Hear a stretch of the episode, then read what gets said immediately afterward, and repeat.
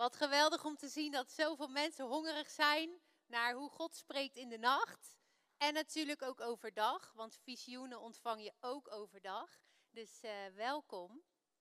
En je hoorde mij net uh, refereren aan een Bijbeltekst over dat God zijn geest uitstort op alle vlees. En uh, die heb ik natuurlijk uit de Bijbel. Die heb ik niet zelf verzonnen. En je kunt hem vinden in Joel 2, vers 28. Maar ook in Handelingen 2, vers 17. En daar staat dit.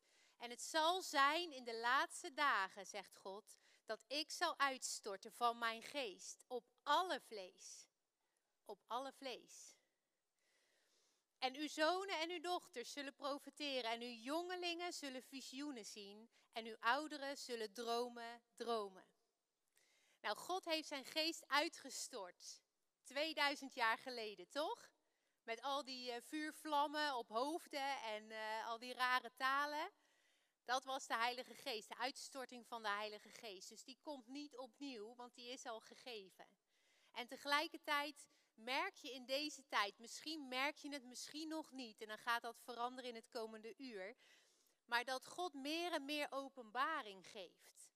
En openbaring is eigenlijk ik leg het altijd zo uit. Het is een boodschap van God die jij nog niet kent.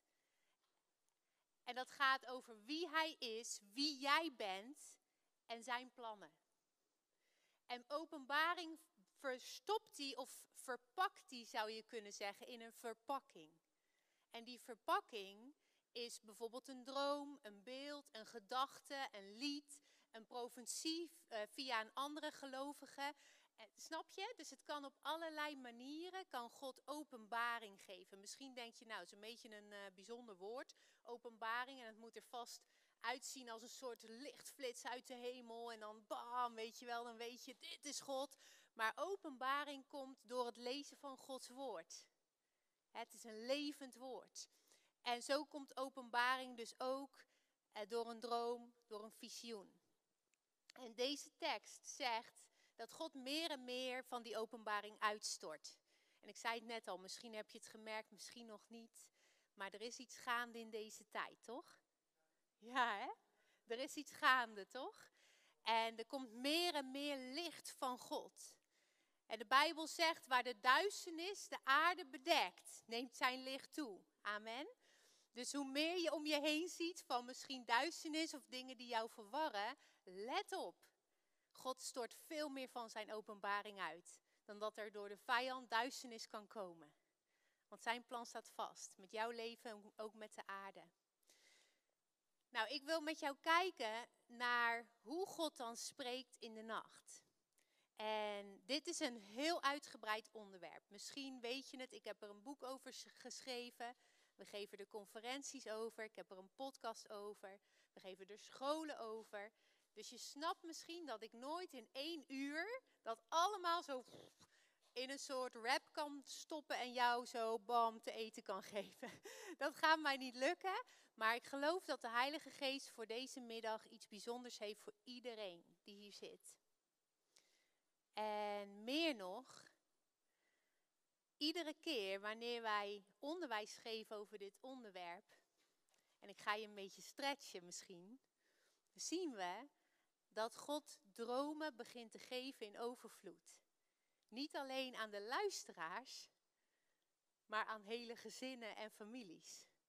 Halleluja. Ja, halleluja. Dat is wat God doet. Bijzonder toch? Maar zo werkt Hij. Want zijn wind waait, weet je wel. Wij kunnen hem niet vangen.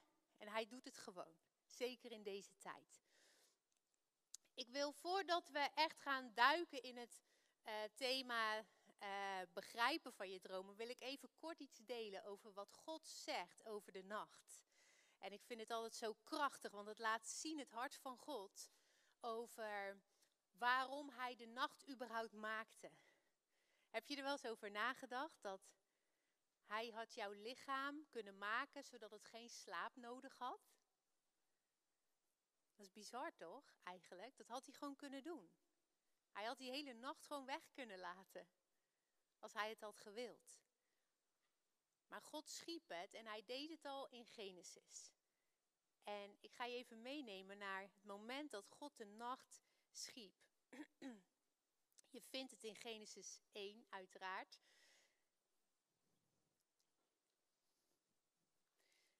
En het uh, begint in vers 2.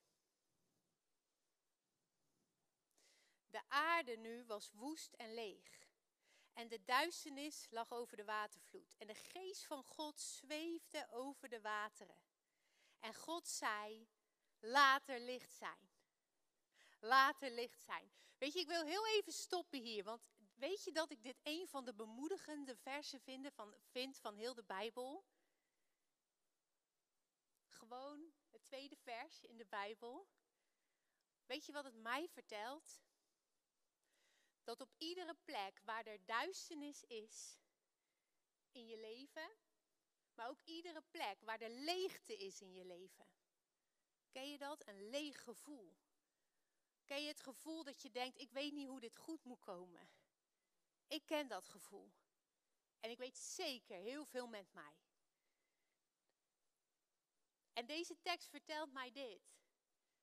Dat Gods geest zweeft over die plekken. Over de plekken waar het leeg is, woest is, donker is, waar geen hoop is, waar jij misschien denkt, nou ik leef eromheen en dan gaat het wel. God zweeft over die plek. En weet je wat zo mooi is? Er staat hier helemaal niet zweven, want in de grondtekst staat hier broeden. Zie dat beeld van een eend op een nest? Weet je wel? Broeden op zijn eieren. En wat doet die eend? Hij blijft zitten en hij blijft broeden, net zo lang, totdat er leven uit die eieren komt. Amen. Snap je waar ik heen wil? Dus de plekken waar wij geen hoop voor hebben, de plekken waar wij misschien het liefst gewoon onze ogen van afkeren, waar het woest is, leeg is, rommelig, al die dingen. Dat zijn juist de plekken waar God zich tot toe aangetrokken voelt en waarvan hij zegt, ik zweef daarover net zo lang totdat er leven uitkomt. Halleluja. Net zo lang totdat het opstaat in mijn opstandingskracht. En jij denkt misschien, oh mijn hemel, ik hoop niet dat God komt bij die plekken, want het is te vuil, te vies, te woest, te hopeloos. Maar halleluja, God zegt, dat is de plek waar ik wil zijn. Come on. Wie ontvangt er op dit moment openbaring? Dit is openbaring. Snap je? Dit is iets nieuws wat je ontvangt. Iets nieuws wat laat zien hoe Gods hart is en hoe graag hij bij ons is. Juist op die plekken waarvan je denkt, oh, ik weet niet hoe dit ooit moet veranderen. God broedt erover. Come on, jullie zijn er stil van. Dit is hoopvol, toch? Dit is goed nieuws. Dit is goed nieuws. Dit is Jezus. Ik ga door. Vers 3. En God zei, laat er licht zijn. En er was licht. En God zag het licht en dat het goed was. En God maakte scheiding tussen het licht en de duisternis. En God noemde het licht de dag. En het duisternis noemde hij nacht. Toen was het avond geweest en het was morgen geweest, de eerste dag. Dit is een moment waarop God spreekt en er komt licht. Elke keer wanneer God spreekt, breekt er licht door. Lees maar Johannes 1. Iedere keer wanneer God spreekt, komt er licht. En hij scheidt het licht van de duisternis. En dat is een moment waarop God zegt: Oké, ik, ik uh, schaap hier. Is dat een goed woord, schapen? Nee. Schiepen? Scheppen akkoord. Scheppen. Ik schep hier de dag en de nacht. Allebei met een eigen bedoeling. Niet zomaar, niet toevallig. Wij vinden dat inmiddels natuurlijk heel logisch. Er is een dag, er is een nacht. Maar God zei, dit is wat ik wil. En hij gaf het een naam. En iedere keer wanneer God iets een naam geeft in de Bijbel. Is het je wel eens opgevallen? Iedere keer wanneer God iets een naam geeft, een mens, geeft hij een andere naam bijvoorbeeld. Saulus wordt Paulus. Abraham wordt Ab of Abraham wordt Abraham. Vader van vele volken. iedere keer wanneer God een plaats een naam geeft, dan doet hij dat omdat hij zegt: Dit is wat het is. En het is van mij. En hij gaf hier, het duister gaf hij een naam. Nou, let op, dit is niet de duisternis van de vijand. Dit is gewoon de afwezigheid van licht. En hij gaf het een naam. En hij zei: Dit is de nacht. En daarmee zei hij: Dit is wat het is. En als je het woord nacht opzoekt in de grondtekst, dan staat daar Lail. En Lail betekent beschermende schaduw. Beschermende schaduw. Dus God zegt, ik maak de nacht en ik noem het naar wat het is. Het is een beschermende schaduw. En de vijand heeft geprobeerd om de nacht zo te maken en te draaien en te jatten en te stelen en, te, en kapot te maken. Want dat is wat hij doet. Tot iets waar de nacht spannend is, geheimen heeft, perversie heeft, onreinheid heeft, criminaliteit heeft, enge dingen heeft. Ja toch? En voordat je het weet, geloof je onbewust dat de nacht iets is waar de vijand zomaar kan doen wat hij wil. Maar de Bijbel zegt iets anders. De Bijbel zegt de nacht is een beschermende schaduw. En als je verder leest in Gods woord, is het niet alleen een beschermende schaduw. Het is de plek waar God zelf woont. De Bijbel zegt, God heeft zelf gezegd in het donker te wonen. Op een andere plek zegt hij, ik hul me in de duisternis. God is de God van het licht en van het donker, van de dag en de nacht. En weet je wat zo mooi is? Dat God gaat een stapje verder. Hij zegt, ik sluimer of slaap niet. Wie kent die tekst? Ik ben de Heer van Israël. Ik sluimer of slaap niet. Ik sluimer of slaap niet. Dat betekent dat in die beschermende schaduw waar jij slaapt, de woonplaats van God, een plek waar Hij blijft om te blijven, zegt Hij, ik sluimer of slaap niet. Ik draai me niet even weg. Ik ben niet even afgeleid. Nee, ik ben bij jou. Ik ben bij jou en niet zomaar. Nee, ik ben bij jou om jou te zegenen. Met een verfrissende, vredige, diepe, zoete, aangename slaap. En daarnaast om jou te geven wat je nodig hebt. Wijsheid, richting, noem maar op. En ik wil je gewoon een paar voorbeelden geven. En ik ga ze niet lezen uit de Bijbel, want dat zou veel te lang duren. Maar de Bijbel staat vol met dromen. En mensen die in de sluimer iets ontvangen van God. Sluimer is, weet je wel, zo tussen slapen en waken. Dat je denkt, hmm, slaap ik nou of was ik wakker? Daar, perfect moment om van God te ontvangen. En de Bijbel staat vol daarmee, van het Oude Testament Nieuwe Testament, overal zie je dat God dromen geeft in de nacht. En wat geeft hij dan? Hij geeft oplossingen. Hij geeft waarschuwingen om bepaalde keuzes niet te maken of wel te maken. Hij geeft richting. Paulus was aan het bidden, Heer, waar wilt u dat ik ga en het evangelie breng? En ze probeerden naar Azië te reizen en ze maakten eruit op dat God het niet wilde, want ze werden geblokkeerd, zou je kunnen zeggen. Weet je, soms zoek je Gods wil toch en zijn richting. En dan denk je, waar wilt u mij nou hebben, Heer? En dan merk je dat het soort niet verder komt. Nou, Paulus had dit ook.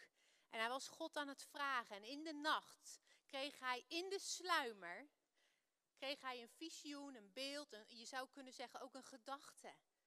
Dat zou ook kunnen. En hij zag een Macedonische man wenken.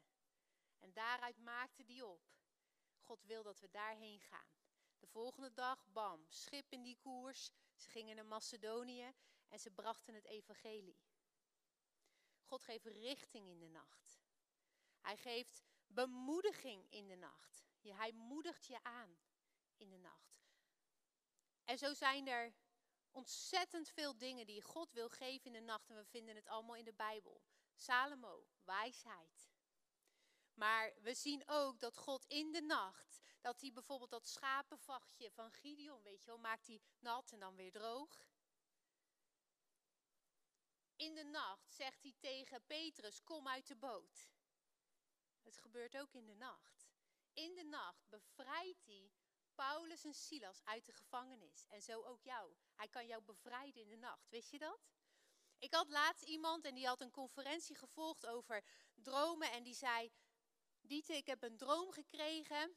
En in die droom zag ik hoe Jezus met zijn hand als het ware een slang uit mijn buik trok. En ik geloof dat hij mij op dat moment als het ware geopereerd heeft. Wat denk je? Wat er gebeurd is? Wat denk je eigenlijk? Is dit echt? Ik zeg, ik weet 100% zeker dat Jezus jou bevrijd heeft. En het was ook zo. Dus bij God is niks onmogelijk in de nacht. En oh, als ik hier op inga, dan kan ik nog wel even doorgaan.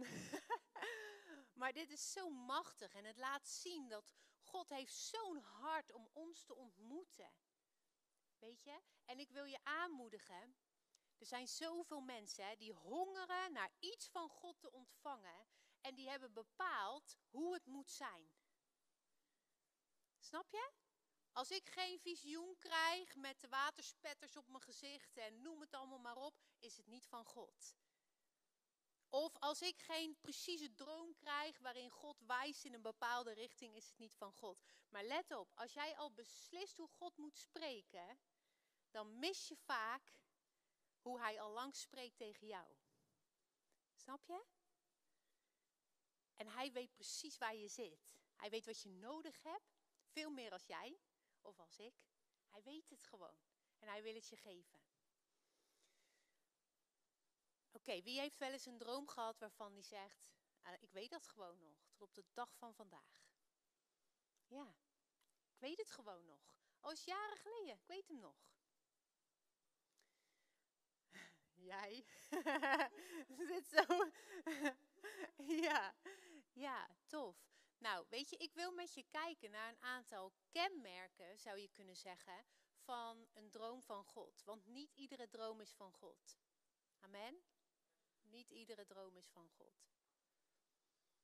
En ik wil je gewoon laten zien uh, een aantal bronnen, vier om precies te zijn, waaruit jij kan dromen. Een bron is iets waar het uit afkomstig is, toch?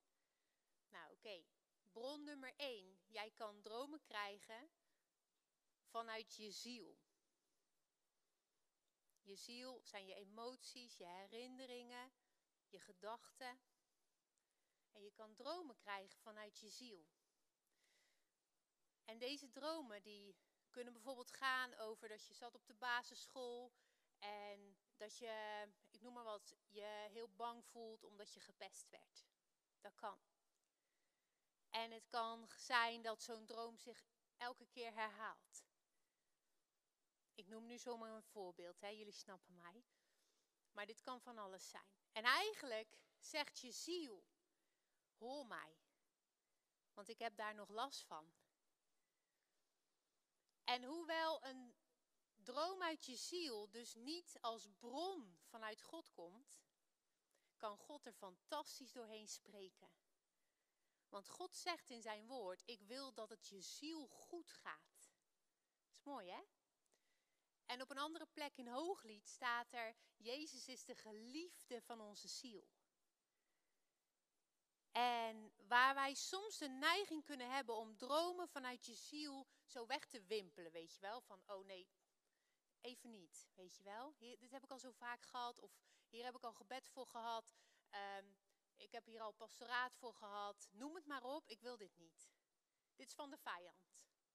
Snap, je wat ik bedoel? Nee. Ik, ik gooi dit zo weg. Hier ga ik niks mee doen. Toch zijn dit vaak de dromen waarvan God zegt: Lieve schat, ik wil jou bevrijding geven en genezing juist op dit plekje. Dus een droom uit je ziel kan fantastisch zijn om voor God om doorheen te spreken. Maar vaak zijn ze dus gekenmerkt door emoties, ehm, herinneringen vanuit het verleden die letterlijk zijn. Dingen die je hebt meegemaakt, noem maar op. Oké, je kan dromen krijgen. En dit is niet eens het goede woord dromen. Maar je kan uh, nachtmerries krijgen. Nachtmerries krijgen. De bron is de vijand. En één ding, niemand hier in deze hele zaal of dit hele gebouw of het hele lichaam van Christus hoort nachtmerries te hebben. Want als jij een kind van God bent, wil Hij je daarvan vrijzetten. En ik wil je iets uitleggen over nachtmerries.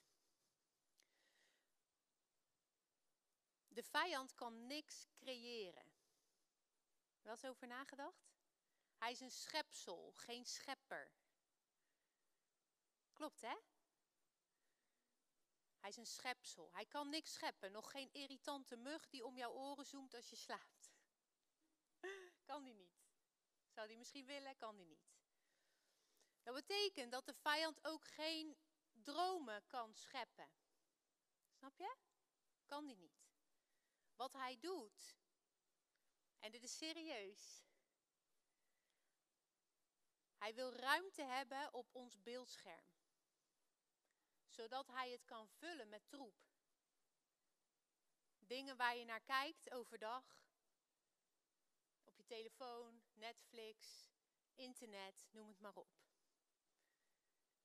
Herinneringen van vroeger, waar je bang van bent geweest, negatieve momenten in je leven. En hij wil die op je beeldscherm projecteren. Snap je wat ik bedoel? Daarom vecht hij om ons beeldscherm. Dus een beeldscherm, een figuurlijk beeldscherm in jou geschapen door God, zodat Hij het kan vullen met beelden vanuit zijn troon. En misschien heb je het gemerkt in deze tijd, maar de vijand vecht om jouw beeldscherm. Hij wil aandacht op jouw beeldscherm. Weet je waarom? Zodat je niet meer ontvangt wat God je geeft. Want God geeft altijd, snap je? Maar wij zijn niet altijd in staat om het te ontvangen, omdat ons beeldscherm volgeplemd zit met zooi. Een vriend van ons zegt: Mijn hoofd is geen kliko. Schrijf die maar even op. Jouw hoofd is geen kliko. Zeg het maar even. Mijn hoofd is geen kliko. Come on. Mijn hoofd is geen kliko. Oprotten met die zooi. Oh, mag niet zeggen. Opzouten met die zooi. Oeh, ja, als het om zulke dingen gaat, kan ik uh, pittig zijn. Maar soms moet je ook pittig zijn, toch? Je moet op zo'n punt komen dat je denkt: Nee, ik wil dit niet meer. Nee, nee, nee. Ik ben het zat. Elke avond in de onrust op mijn telefoon totdat ik helemaal naar word van binnen. Nee, ik ga dit niet doen. Dan moet je soms een beetje pissig om worden. En dan zeg je, Jezus, help mij om mijn beeldscherm weer vrij te houden voor u. Halleluja. Oké. Ehm, daarnaast nog even kort over nachtmerries. Kan het zo zijn dat het geen projectie is van de vijand, maar dat je letterlijk iets oppikt vanuit de geestelijke wereld? Snap je wat ik bedoel? Dus je kan letterlijk dingen oppikken vanuit de geestelijke wereld. En je zou het kunnen zeggen dat jij een soort radioantenne op je hoofd hebt. En die hoort afgestemd te zijn op de derde hemel, de plek waar God woont. En als die zo even wegzakt en verkeerd afgesteld staat, dan kan je iets oppikken vanuit het rijk der duisternis. Als je mij niet snapt, moet je hand opsteken, oké? Jullie zijn heel stil, echt. ja. Oh ja. Ja. Je kan het, je kan het nooit 100% voorkomen, zou je kunnen zeggen. Uh, maar je kan het voorkomen door je beeldscherm echt te bewaken. Ja. Daarnaast is het zo, er was een tijd dat ik um, veel enge dromen kreeg. En dit is misschien goed om gewoon eventjes te delen. Er was een, een, een tijd dat ik heel veel enge dromen kreeg. En vlak daarvoor had God tegen mij gezegd, jij gaat spreken. En ik dacht, oh mijn hemel, ik ben doodsbang voor mensen. Ik denk dat ik echt een hele rare stem heb, dat niemand mij begrijpt en noem het maar op. En misschien hoor je het al, mijn hoofd zat vol met leugens. Maar God had gesproken. En ik kreeg een hele rits aan dromen waarin ik gewoon niet kon spreken in mijn droom. Ik kon het niet spreken en ik probeerde Jezus te zeggen en het ging maar niet. En ik raakte gefrustreerd, weet je wel.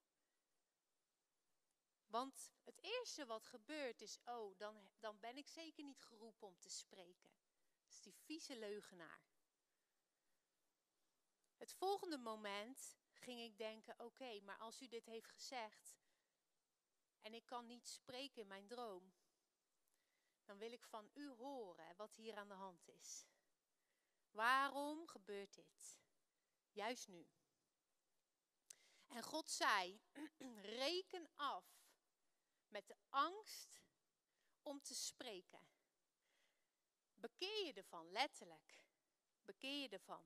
Want als ik je roep, wie zal er dan tegenspreken? Amen. Dus ik moest letterlijk zeggen: Oké, Heer, ik vind het doodeng, maar ik neem het aan dat u mij geroepen heeft. Want die leugen in mijn hoofd, ik noem het ook wel een landingsbaan voor de vijand. En dit, deze angst was een landingsbaan waarop hij deze nare nachtmerries kon geven, snap je? Dus als je het hebt over voorkomen, dan kan dit ook echt heel praktisch iets zijn. Waarvan God zegt, hé, hey, maar je gelooft een leugen over jezelf. En daardoor geef je als het ware ingang voor de vijand om jou bijvoorbeeld ook overdag, maar ook in de nacht te pesten. En daar heeft hij geen recht toe. Amen. Geen recht om jou te pesten, joh. Echt niet. Geen recht. Je bent een kind van God. Je bent geroepen om vrij te zijn. En de vijand moet zijn grote waffel houden. Want het is een muis met een microfoon.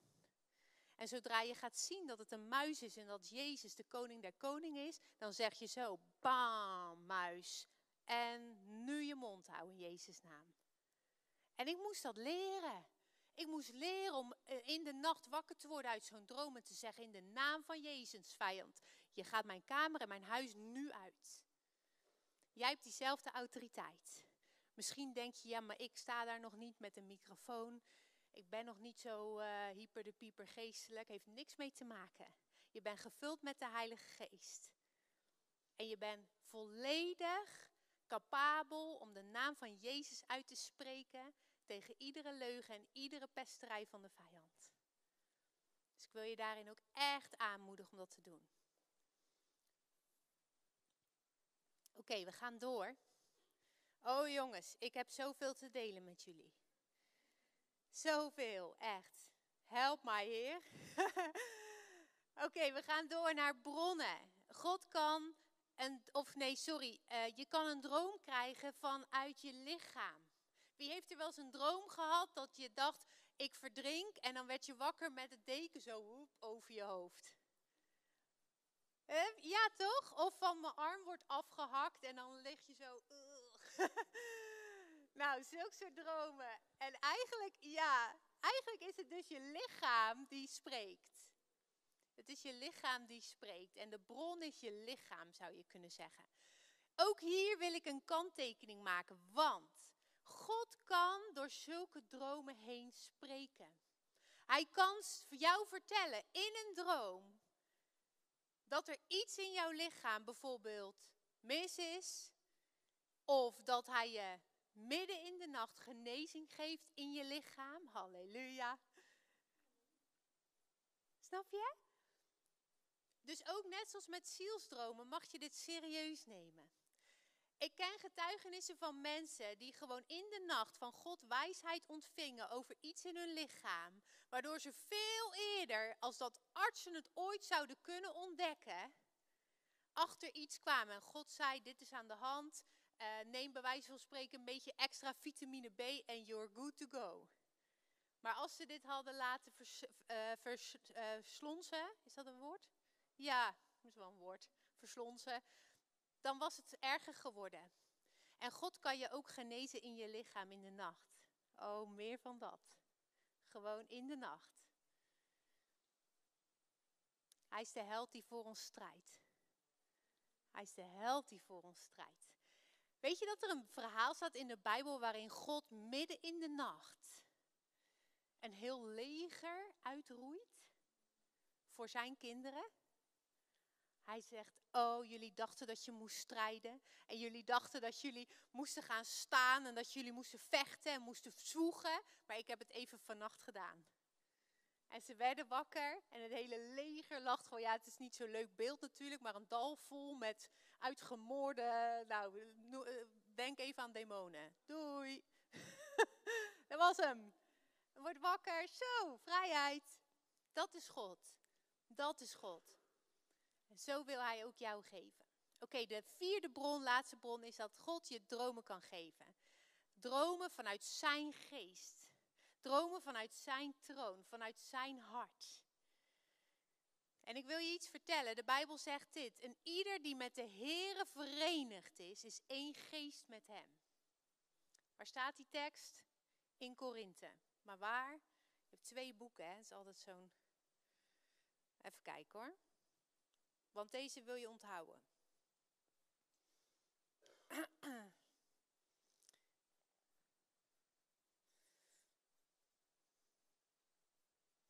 Even kijken. Come on. 1 Korinthe 6 vers 7. Dankjewel. 17. 1 Korinthe 6 vers 17. Daar staat, wie met de Here verenigd is, is één geest met hem. Wat betekent dat? Wanneer jij ja zegt tegen Jezus. Jezus, mijn leven is van u, alles is van u. Hier ben ik, ik geef me over, ik geef mijn leven aan u. Dan komt de Heilige Geest en die maakt woning in ons. Dat is een wonder. kan je hoofd niet vatten, maar het is de waarheid. En die wordt één geest met jou. Amen. Eén geest. Eén geest. Oké, wie is er klaar om te ontploffen in zijn hoofd? Come on. Oké, diezelfde geest. De geest van God, die in jou woont. Eén geest wordt met jou. Eén geest, niet te scheiden, niet komen en gaan. Nee, één geest. Dat is dezelfde geest die niet sluimert of slaapt.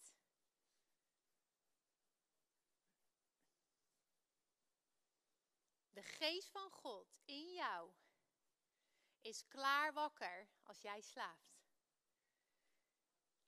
En dat betekent dat er geen enkele grens is voor God om jou te geven in de nacht.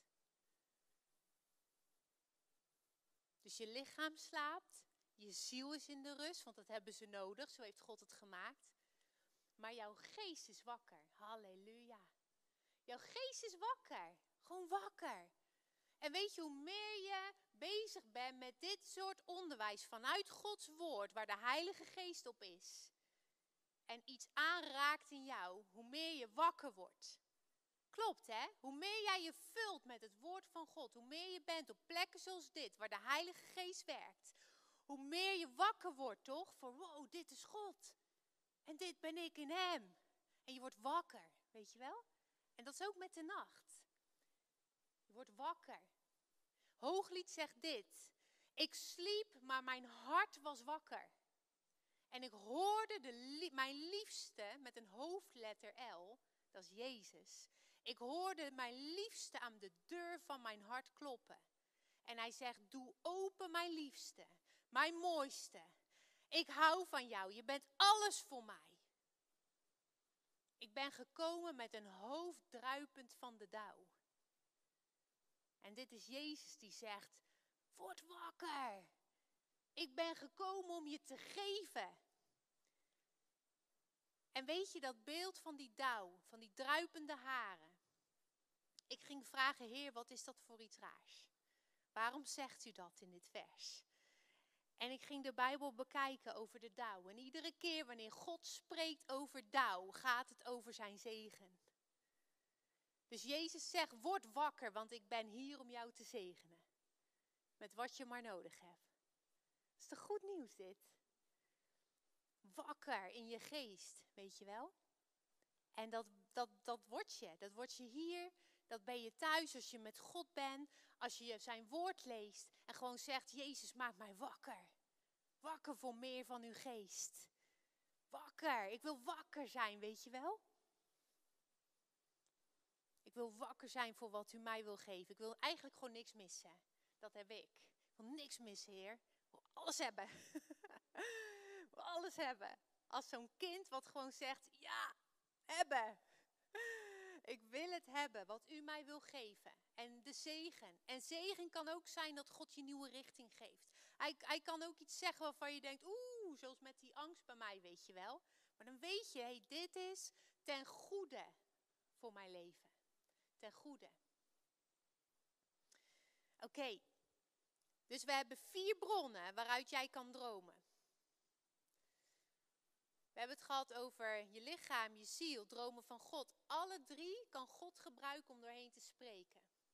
Die vierde vraag je ook God om te spreken. Dus als je wakker wordt vanuit een nachtmerrie, zeg je: Vader, help mij. Wat is dit? Snap je wat ik bedoel? Als jij eenmalig een nachtmerrie krijgt, kan het zijn dat je je zender verkeerd staat afgesteld. Dan zeg je, wegwezen duivel, je bent onder mijn voeten, ik heb geen zin in dit gezeik, op, opzouten. Maar als jij herhaaldelijk nachtmerries hebt, ga je vragen, Jezus, wat is hier aan de hand? Oké? En dan kom je naar plekken zoals dit en dan bidden we voor je en dan gaat Jezus je vrijzetten. Dus alle vier de bronnen gebruikt God om doorheen te werken. Zo groot is Hij. En ik wil met je kijken, gewoon even heel kort zo er doorheen. Hoe herken je dan een droom van God? Want dat wil je weten, toch? Hoe herken je dat nou? Want ja, weet ik veel, toch? nou, ik wil je het een en ander laten zien. En ik ga je daar per punt ga ik je, als je mij één momentje geeft, heb ik hier een hele mooie lijst met kenmerken met de Bijbelteksten erbij. Want ik zie jullie schrijven, dus ik denk dat jullie wel leuk vinden om dat soort op te zoeken, toch? Mooi, oké.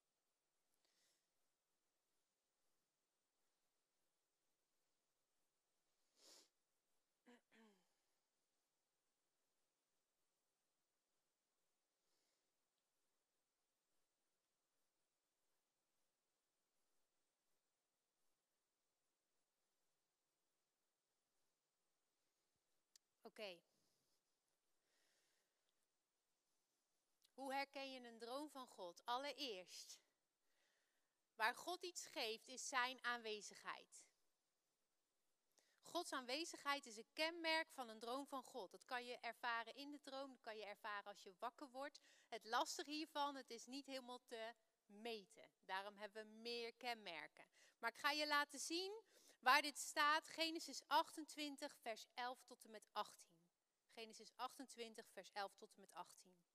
En daar is een moment dat Jacob in slaap valt met zijn hoofd op een steen. Op zich al een wonder vanuit Gods troon. Ik kan niet slapen met mijn hoofd op een steen. Maar hij wel. En ehm, in die slaap ziet hij de ladder uit de hemel. Weet je wel? Met die engelen die gaan op en neer.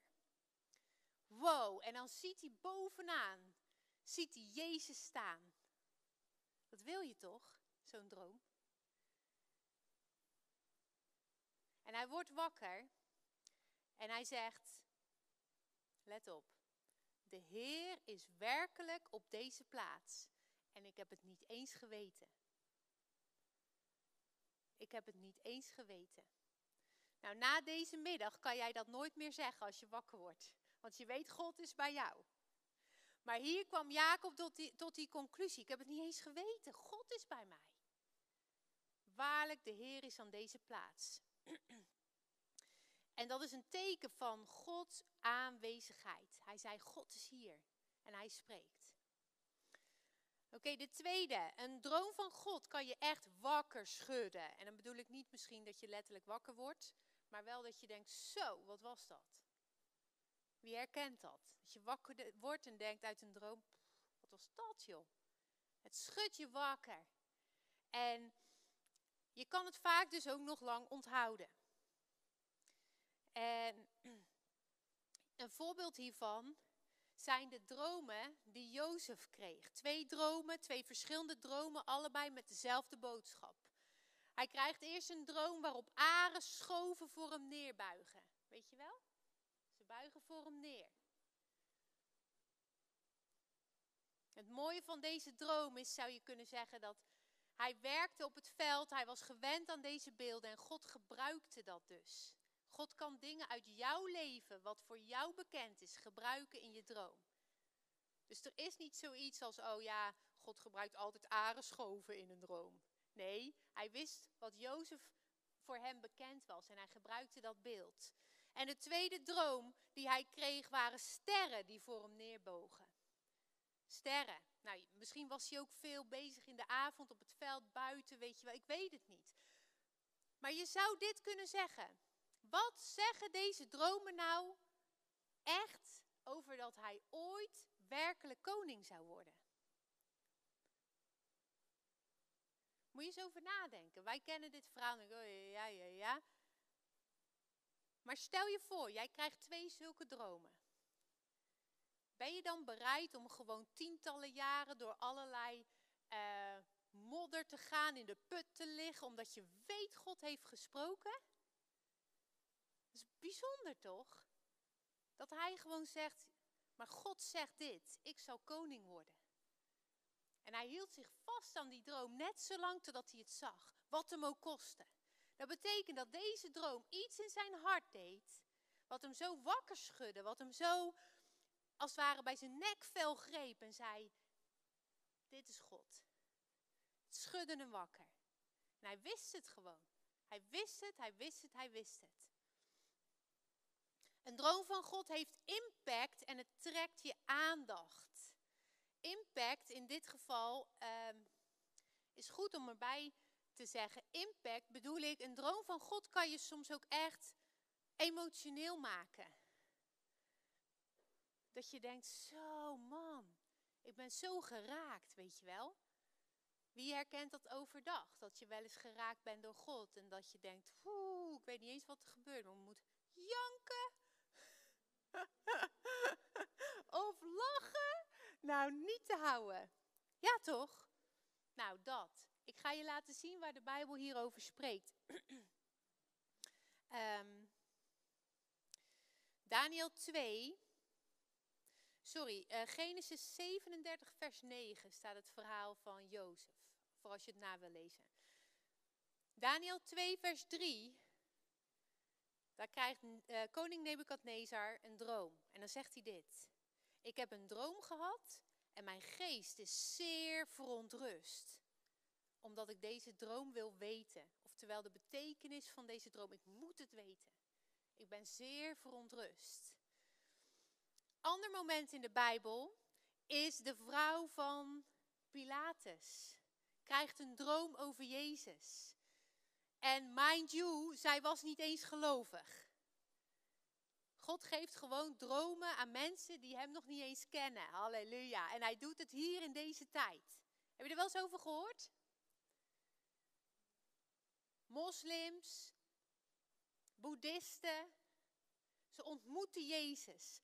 Zelfs op dit moment, heb je erover gehoord in de oorlog die op dit moment gaande is? 200 mensen krijgen in dezelfde nacht dezelfde droom en nemen Jezus aan. Dat is God. Dat is God.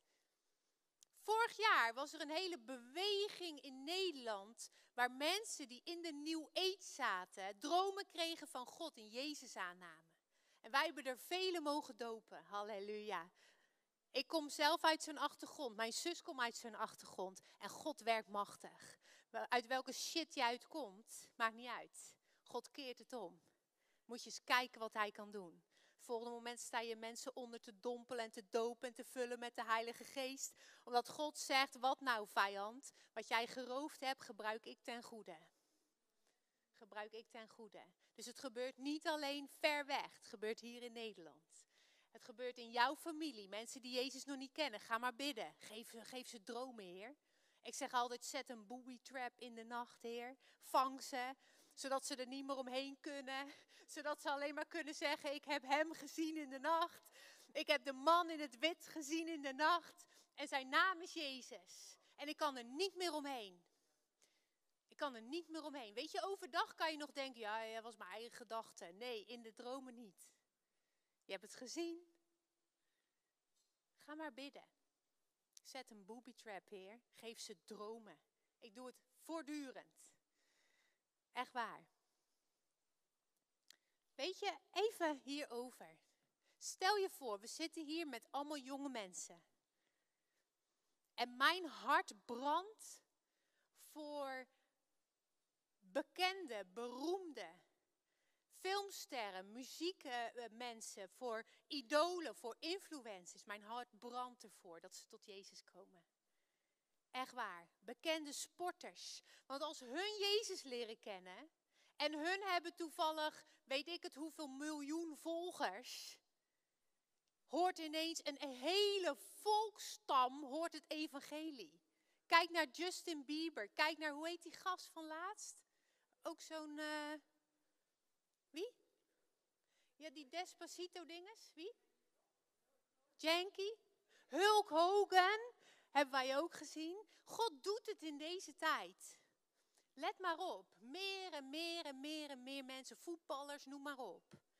Maar stel je voor, hè, dat iemand waar jij gewoon misschien wel eens YouTube van kijkt of zo. Of iets, gewoon een hart voor hebt. Of dat je wel eens muziek van luistert. Ga gewoon allemaal voor één ander van deze personen bidden. Dat ze Jezus ontmoeten en dromen krijgen. Moet je nagaan wat een impact dat gaat hebben. Want God geeft dromen aan mensen die hem nog niet eens kennen en de Bijbel spreekt erover. De bakker en de schenker kenden God helemaal niet. Koning Nebukadnezar kende God helemaal niet. Snap je? God doet het gewoon.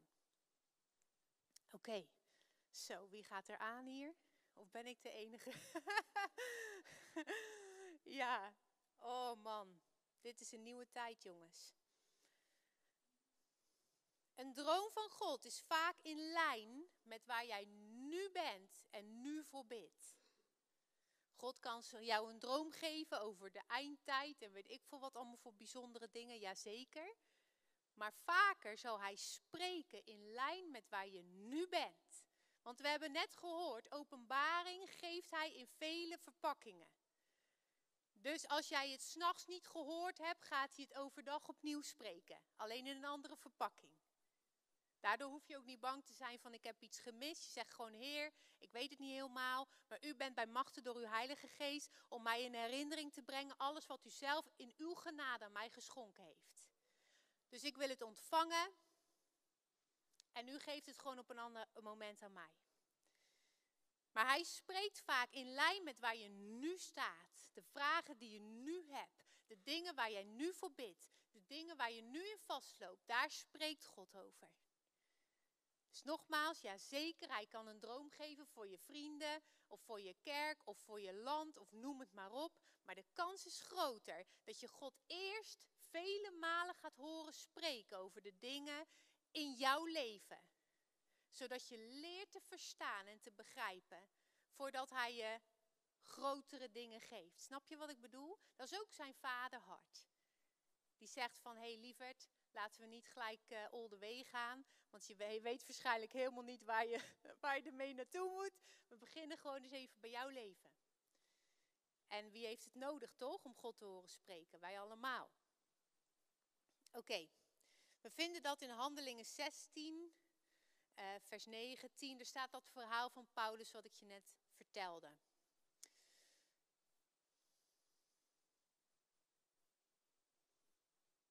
Een boodschap van God in een droom. Daarbij geeft hij niet alleen onderwijs, uh, richting of sturing. Hij geeft nog iets. Met de boodschap geeft hij je dat wat je nodig hebt om erin te stappen. En ik hou hiervan dat God zo is. We vinden dit in hetzelfde stuk van Paulus. Namelijk, hij krijgt een droom. En ik stel me voor, ze waren in een schip. Misschien wel twee jaar aan het varen, weet je wel. Naar Azië. Oh nee, dit is hem toch niet. Dat zijn wij helemaal niet gewend. Wij stappen in een vliegtuig, vijf uur later ben je daar. Oh nee, was hem niet terug. Op één dag op en neer. Maar hij was gewoon misschien wel jaren aan het varen en aan het zoeken, weet je wel. En één nacht, één nacht, God spreekt en wat doet hij? Hij pakt dat schip, dat stuur zo, en hij zet hem om, nieuwe koers, daar gaan we heen. En wat zegt dat? God geeft hem directe moed om hem te volgen. En dit is belangrijk. Want God geeft niet alleen dromen om jou een droom te geven. Of een soort van aai over je bol van, oh ik heb ook een droom gekregen. Nee, hij geeft je dromen om in actie te komen.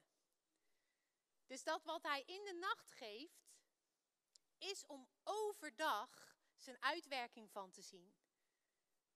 Dus wat hij in de nacht aan jou laat zien, wat hij in de nacht misschien in jou aanraakt, misschien een oude pijn, misschien een nieuwe richting, misschien ehm, troost, misschien aanmoediging om in bepaalde dingen te stappen, noem het maar op.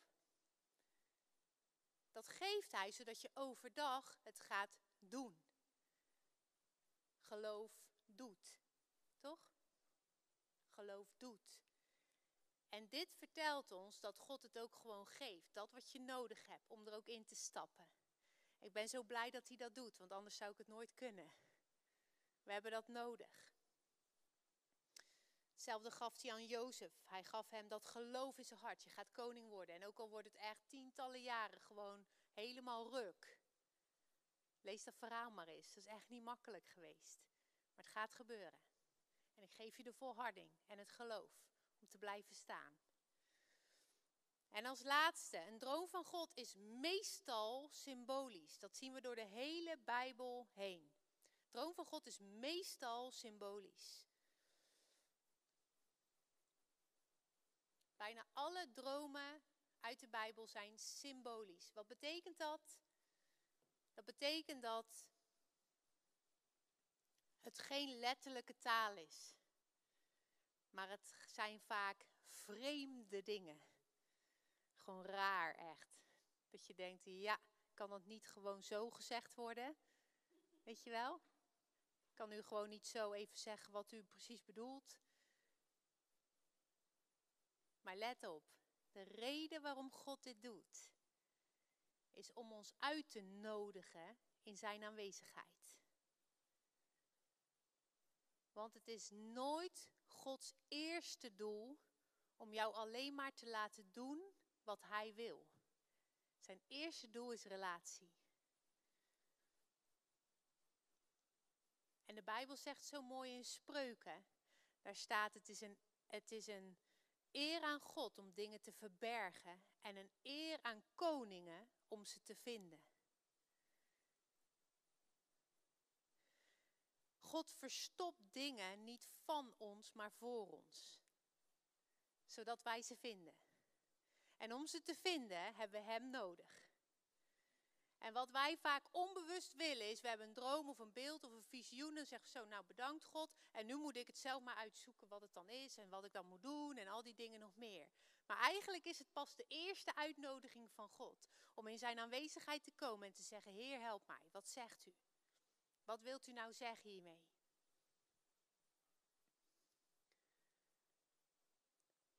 En ik noemde net al even die tekst. God is bij machten om in herinnering te brengen wat Hij zelf aan jou gegeven heeft.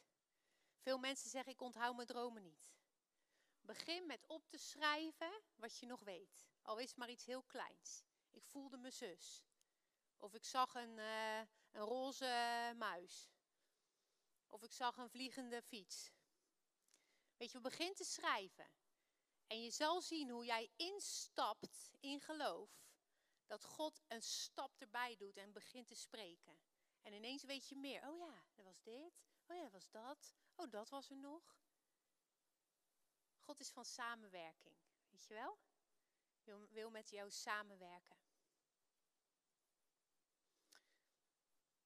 Waarom heb je zo weinig tijd geboekt voor deze workshop? Oh, oké. Oké. Oké. Oké, oké. Oké, dus als jij zegt, ik onthoud mijn dromen niet. Ten eerste, het is de Heilige Geest uh, samengesmolten met jouw geest. Die ook de geest is die jou het geeft, maar ook weer in herinnering brengt. Dus je gaat hem gewoon vragen, help mij te herinneren, Heer. Help mij te herinneren. En voordat je gaat slapen zeg je, Heer, maak mij wakker in mijn geest voor wat u mij vannacht geeft. Ik wil het ontvangen. En ik wil ook leren. Want weet je, wij zijn doorspekt met een manier van denken van vandaag besteld, morgen in huis. Klopt, hè? Of zo'n raampje, ja, twee Big Mac en dan een cola en, uh, en dan bedankt, eten. Dat is wat wij kennen, toch? Dus als God het niet nu gelijk geeft, ja, nou, dan weet ik het niet hoor. Uh, ja, God zal maar wel uh, vergeten zijn of hij ziet me niet. Maar dat is niet waar. Sommige dingen horen niet bij koningskinderen.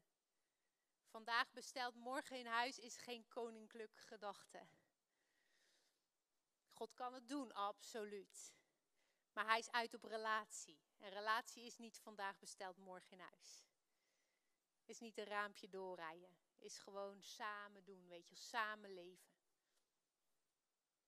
Oké.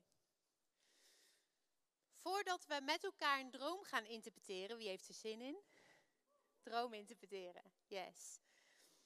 Oké, ga ik je twee tips geven voor het begrijpen van je dromen. Want ik noemde het net al, 9 van de 10 keer zijn ze symbolisch.